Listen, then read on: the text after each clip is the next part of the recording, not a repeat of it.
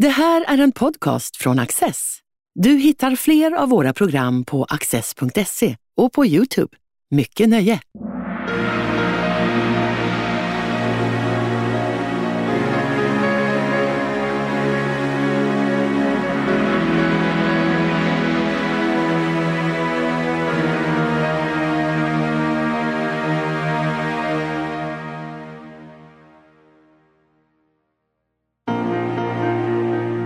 Hur lät historien? Det är en fråga som börjat intressera forskningen allt mer. Åsa Karlsson samtalar med intendent Karin Tetteris från Armémuseum som i en utställning försökt återskapa autentiska ljud från Stockholm 1701 och historikern Alexander Engström som studerat ljudlandskapet kring adliga begravningar på 1600-talet. På Armémuseum så har ni en utställning nu som handlar om en alldeles särskild dag i Stockholm, den 21 augusti 1701. Vad var det som hände då? Ja, den dagen så var det stor fest i Stockholm. Det var en procession som förbereddes med eh, ryska fanor som den svenska armén hade vunnit som troféer i slaget vid Narva året innan. Och när ni skulle göra den här utställningen så började ni fundera lite på vad var det för ljud som lät den här dagen när man gjorde den här processionen? Och vi ska lyssna på ett litet avsnitt ur det här ljudbandet.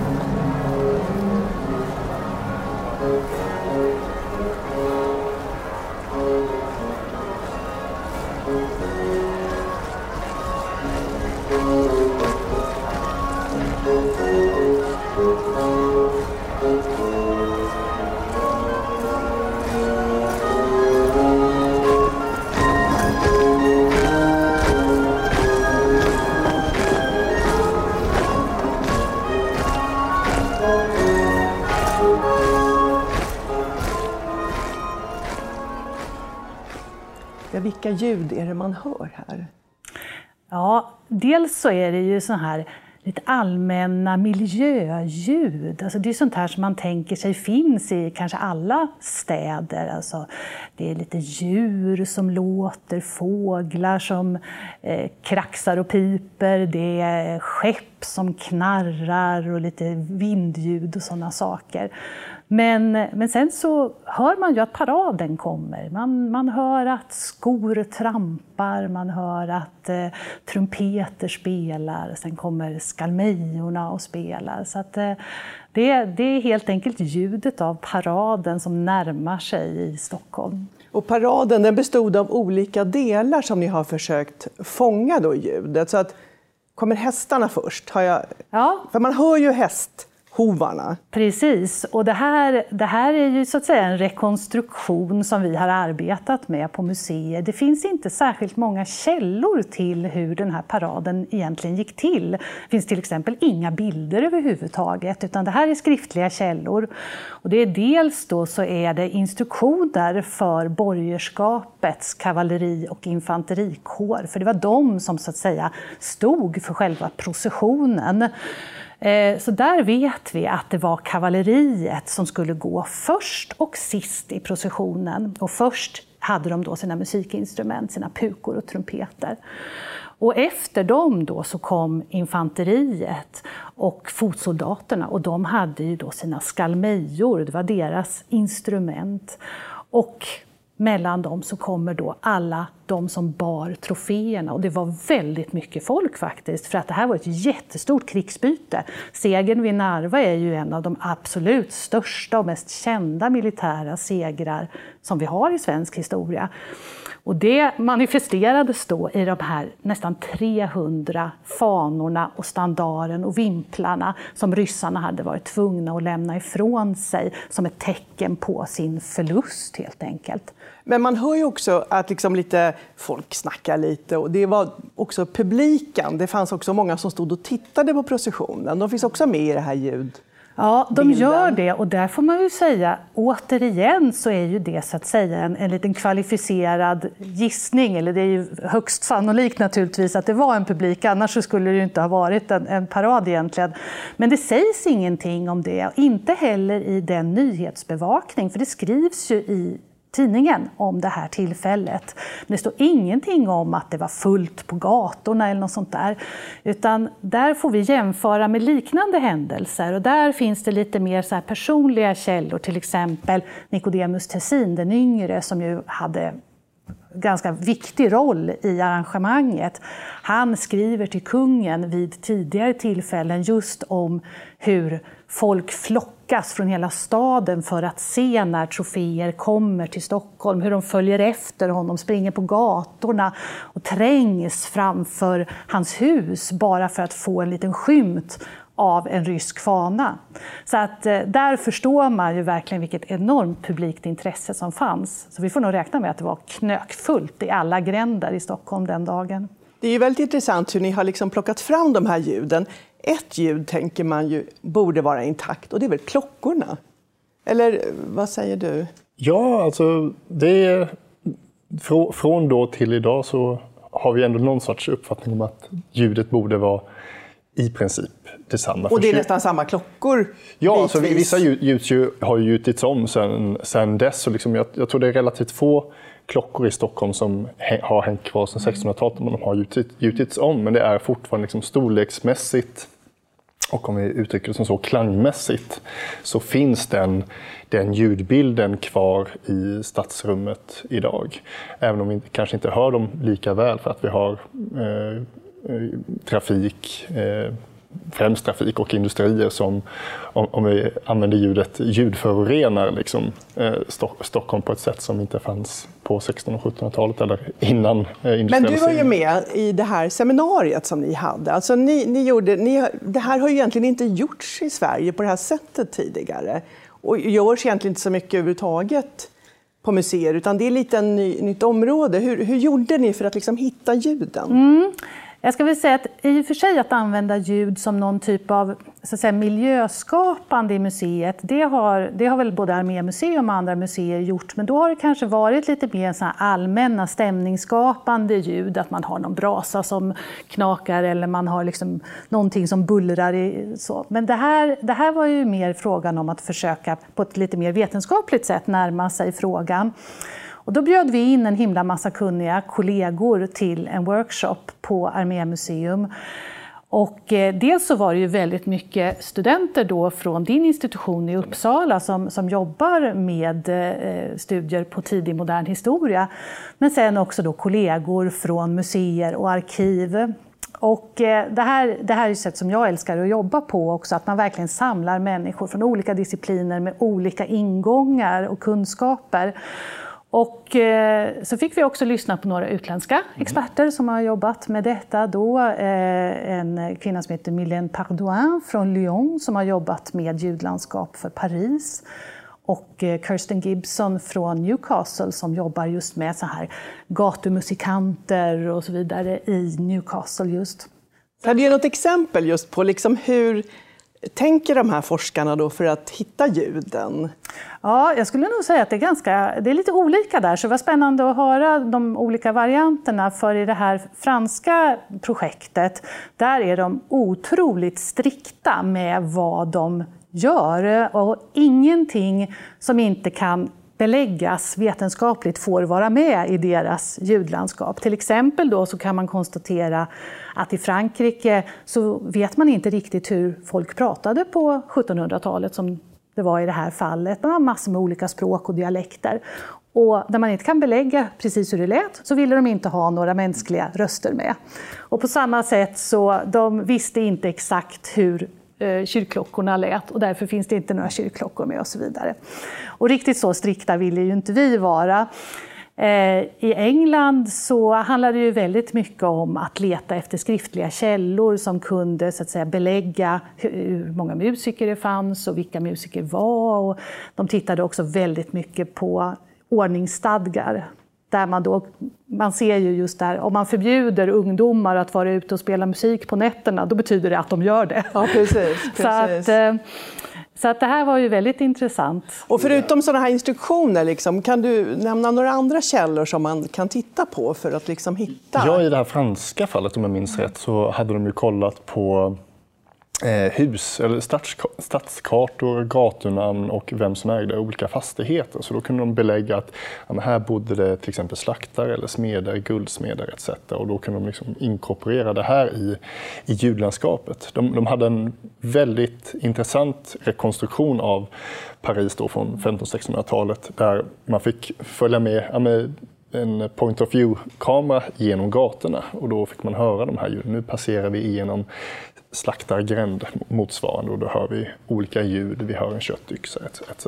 Men när du har forskat om det, kan du säga någonting om liksom, vilken typ av källor har du använt för att förstå liksom, vilka ljud som hördes? Ja, alltså, där fick jag väl jobba lite just enligt den franska modellen, liksom, att ta det som verkligen finns. Så jag kollade väldigt mycket kyrkoprotokoll för där finns det då bevarade räkenskaper över eh, begravningsringningar, eller ringningar som var i, i samband med dödsfall. Så det ja, klockringningar. Ja, ja, klockringningar ja. Mm. precis. Men även protokoll från Stockholms slott när man faktiskt sköt salut.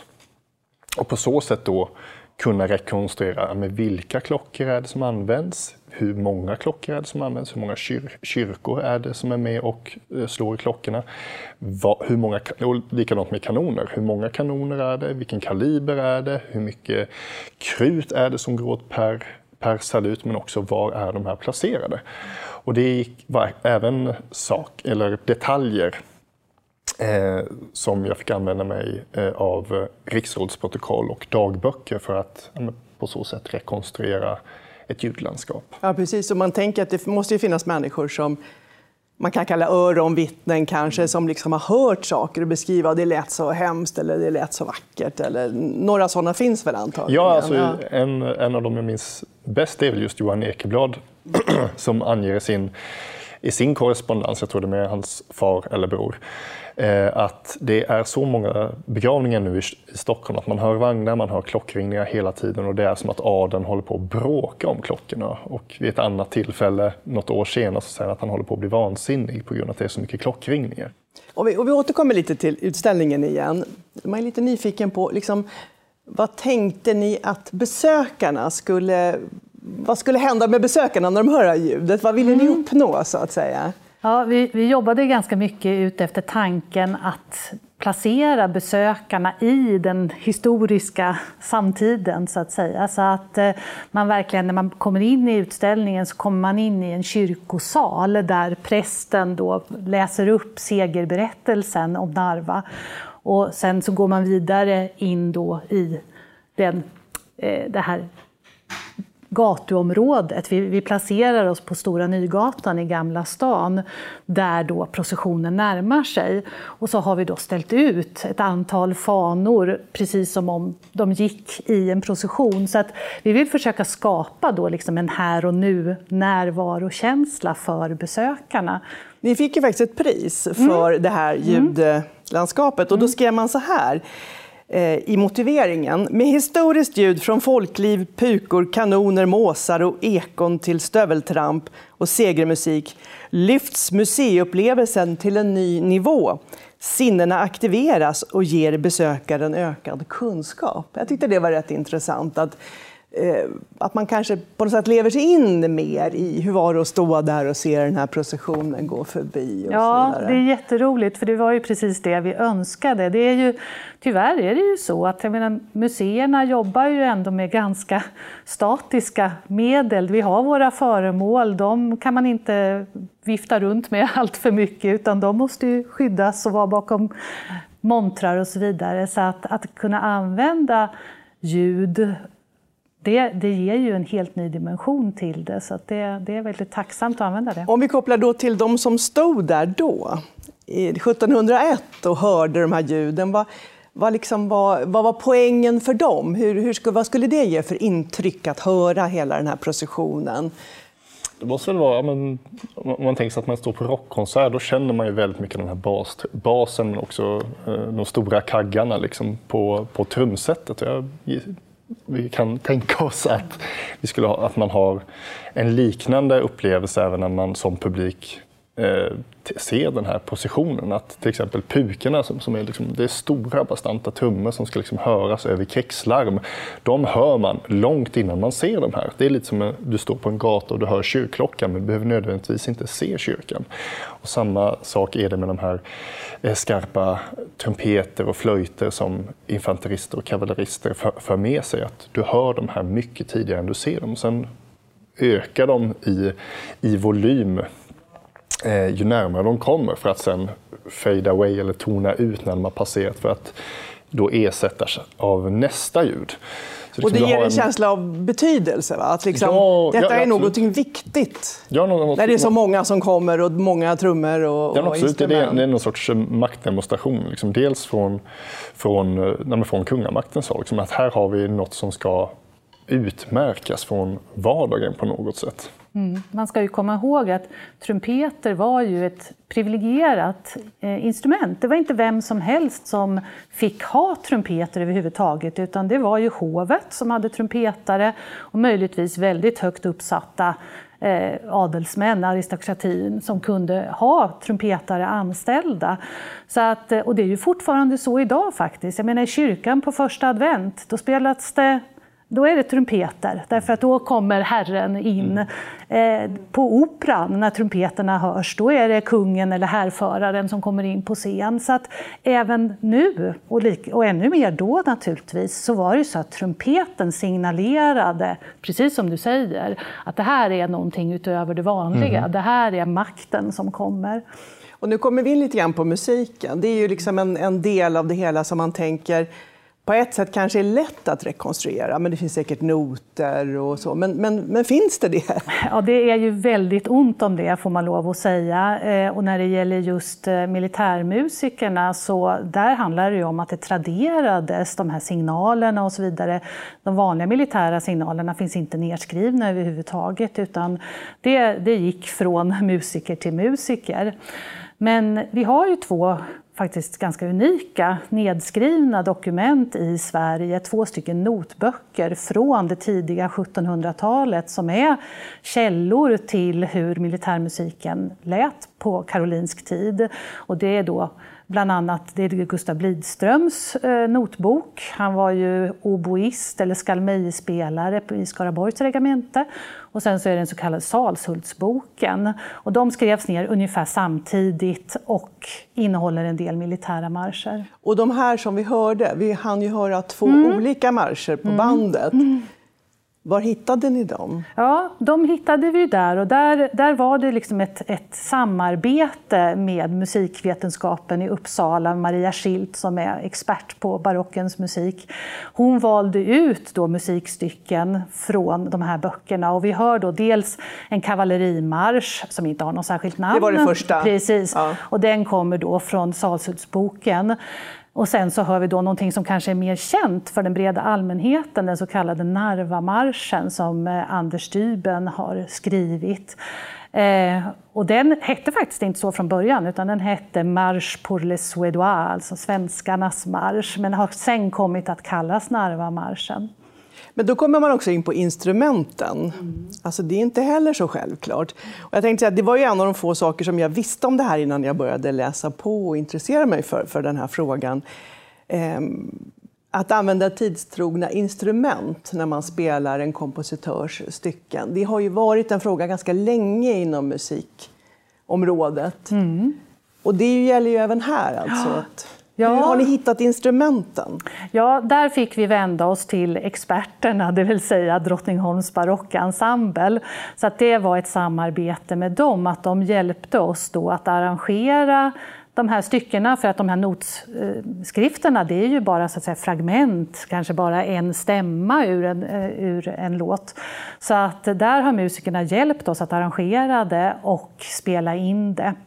Sen har ju vi naturligtvis i vår samling också musikinstrument från den tiden. Så att vi har ju pukor till exempel, väldigt mycket kavalleripukor som är tagna också som troféer från fienderna på slagfältet. Men också skalmejor och eh, flöjter och trumpeter. Så det är lite grann ett, ett givande och tagande ja. här, att ni kan också hjälpa dem att se vilka instrument ja, som fanns. Precis. För det är oerhört viktigt här. Ja. Jag tänkte, det finns ju ett, ett uttryck som man stöter på, ljudlandskap. Så vad är ett ljudlandskap? Det är ett, om vi kollar på ett särskilt ljud och, här, och var, till vilket rum det är kopplat. Det är liksom dels liksom, vem är det som gör ljudet? Låt oss säga en trumpet. Ljudet från trumpeten kommer från själva instrumentet trumpet. Men sen så bildar den också ett ljudlandskap så långt som den här trumpeten faktiskt hörs. Liksom det, det, skulle man nog kunna säga är eh, en form av ljudlandskap. Sen har du mycket, kan du ha ett eh, ska säga, skiftande ljudlandskap beroende på om vi säger instrument. Så det, det vill säga en, en kyrkklocka den hörs ju mycket längre än vad en trumpet gör. Kanoner hörs och skapar också ett väldigt stort ljudlandskap. Men i det här också, om vi då kollar till exempel på processioner eh, av olika slag, både vid militära segrar och vid till exempel begravningar eller kröningar, så måste man också kolla på, men var är instrumentet lokaliserat? Vad är det för sorts eh, rum som man faktiskt skapar i samband med den här processionen. Så säg då till exempel vid en begravningsprocession, då har du i, i Stockholm under 16 och under 1700-tal för till exempel kunga, kunga, kungar eller för, för adelspersoner, då har du inte bara en kyrka som slår sina klockor, utan du har vid återkommande tillfällen flera kyrkor, till och med alla kyrkor i Stockholm, där alla klockorna slår. Så du skapar ett jättestort eh, ljudlandskap i, i då rummet Stockholm. Men visar då samtidigt, titta, jag, jag får klockringningar från stans alla kyrkor. Samtidigt för då vissa adelsmän med, en, en särskilda, med särskilda meriter så kunde de också få kanonsalut. Så då binder man in ytterligare en, en rumslighet i Stockholm, till exempel från skepp som skjuter salut på Strömmen, från kanoner som skjuter salut ifrån Tre Kronors torn eller från Skeppsholmen, eh, Söderport etc. var man nu hade kanoner. Alltså liksom för att koka ner det här till någon sorts summering så kopplar man då staten egentligen. Man kopplar kyrkan genom kyrkklockorna som i reell bemärkelse under den här tiden är en del av staten.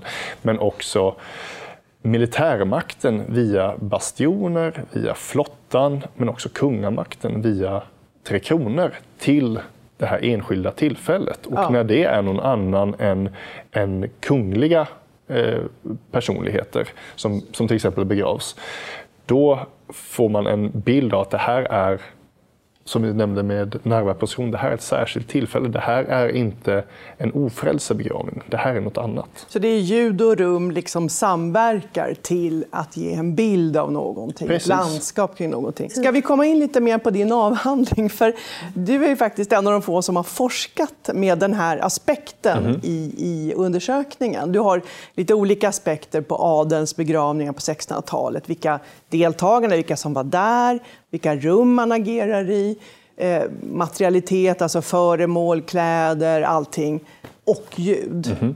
och, och vad, vad, är det för ljud som du liksom intresserar dig för? Du har redan pratat lite grann om kyrkklockorna, mm -hmm. men det, det var ju ganska många olika typer av ringningar som skulle göras.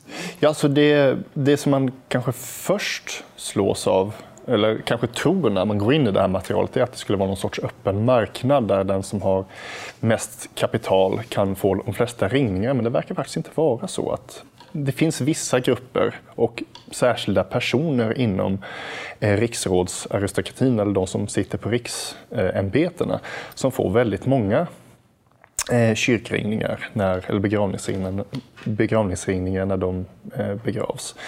Men ju mer jag tittade på det här, desto mer tydligt blev det att någonstans så är den här reglerad, i alla fall i Stockholm.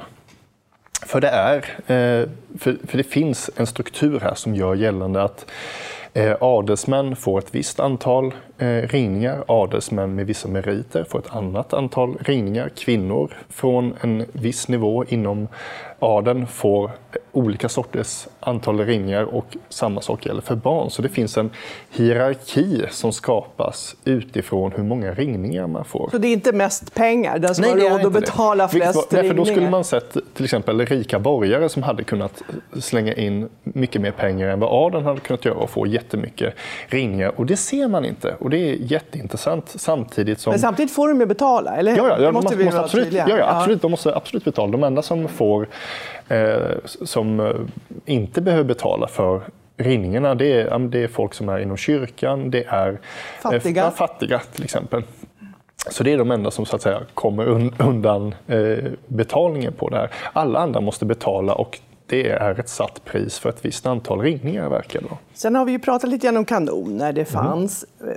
Sånt där som vi kanske känner igen, sången och musiken, vad spelar den för roll i den här ljudbilden kring begravningarna? Den spelar ju en jättestor roll, givetvis. Man, man, hade, man hade vissa särskilda salmer som är återkommande i det materialet eh, jag har tittat på. Och då är det, man hyr in dels präster men också skolor, gymnasiestudenter och barnhem härifrån Stockholm. Då, om vi kollar på processionerna som skedde i Stockholm för att vara med och sjunga. Eh, sen om resterande deltagare också sjunger, det har jag inte sett några eh, något, eh, något bevis för, men troligen så var men de sjunger i processionen, de sjunger inte inne i kyrkan? Både, både och. Okay. Både och okay. Så där får man också den här rörelsen av, i, i ljudlandskapet. Att, eh, att i till exempel begravningsprocessioner för de här adelsmännen som, som tillhör aristokratin och eh, har de höga riksämbetena, men då ser vi precis samma eh, processionsstruktur som vid eh, Narva-processionen. Du har kavallerister först som blåser i trumpet som är följt av infanterister som har pukor och flöjter och trumpeter som följs av det här stora blocket av, av sjungande personer. Så liksom du har den här, en smidig övergång skulle vi kunna egentligen kalla det utifrån öronvittnena som du väldigt passande eh, kallade det. Först hör man trumpeter och pukor som sen ersätts mjukt av den här sången. Och när vi kommer in i kyrkan, jag menar det som kanske en modern eh, Eh, Eh, kyrkobesökare tänker att musiken är inne i kyrkan. Hade de musik i kyrkan också? Det hade de och eh, där, där ser vi också en, en, en, liknande, vad ska vi kalla det, som du var inne på, att det är bara vissa eh, personer som har tillgång till viss musik. Men det verkar ha funnits eh, en sorts marknad här där man kunde hyra hovmusikanter eller använda privata ensembler för att spela begravningsmusik. Det som jag tyckte var mest förvånande när jag tittade på det här materialet och det är ju från vår, vår horisont, det vill säga 2000-talet. Och när vi tittar tillbaka på, i mitt fall 1600-talet, det var att orgeln är helt frånvarande. Precis, jag håller helt med. Varför? Det tycker vi är självklart. Mm. Varför använder man inte orgeln? För det fanns ju orgel, eller hur? Ja, alltså, det fanns absolut en orgel. Eh, varför den inte används, det, det kan jag inte svara på klart jag har en, en spekulativ eh, gissning där som gör gällande att man började från kungligt håll att inte använda orgeln under sorgedagar. Under 1650-talet tror jag det här är. Och sen så sprids eh, det här. Jag har hittat fall på kungliga begravningar där orgel används men också, lika, men också fall för kungliga begravningar där man har plockat ner orgeln från orgelläktaren för att man där ska kunna ha en musikensemble. Så den hade inte riktigt samma funktion som, som Nej, jag vi tror, jag tror inte idag? det. Nej. Eh, det är ju väldigt spännande det här som ni har gjort och ni är ju som pionjärer på det här området att, att hjälpa oss att förstå hur, hur, hur det lät i historien. Eh, och jag gissar att det här kommer väl att stimulera museer och också forskare att, att fortsätta på det här området. Jag får tacka för att ni ville komma hit och berätta om det här. Tack så mycket. Tack.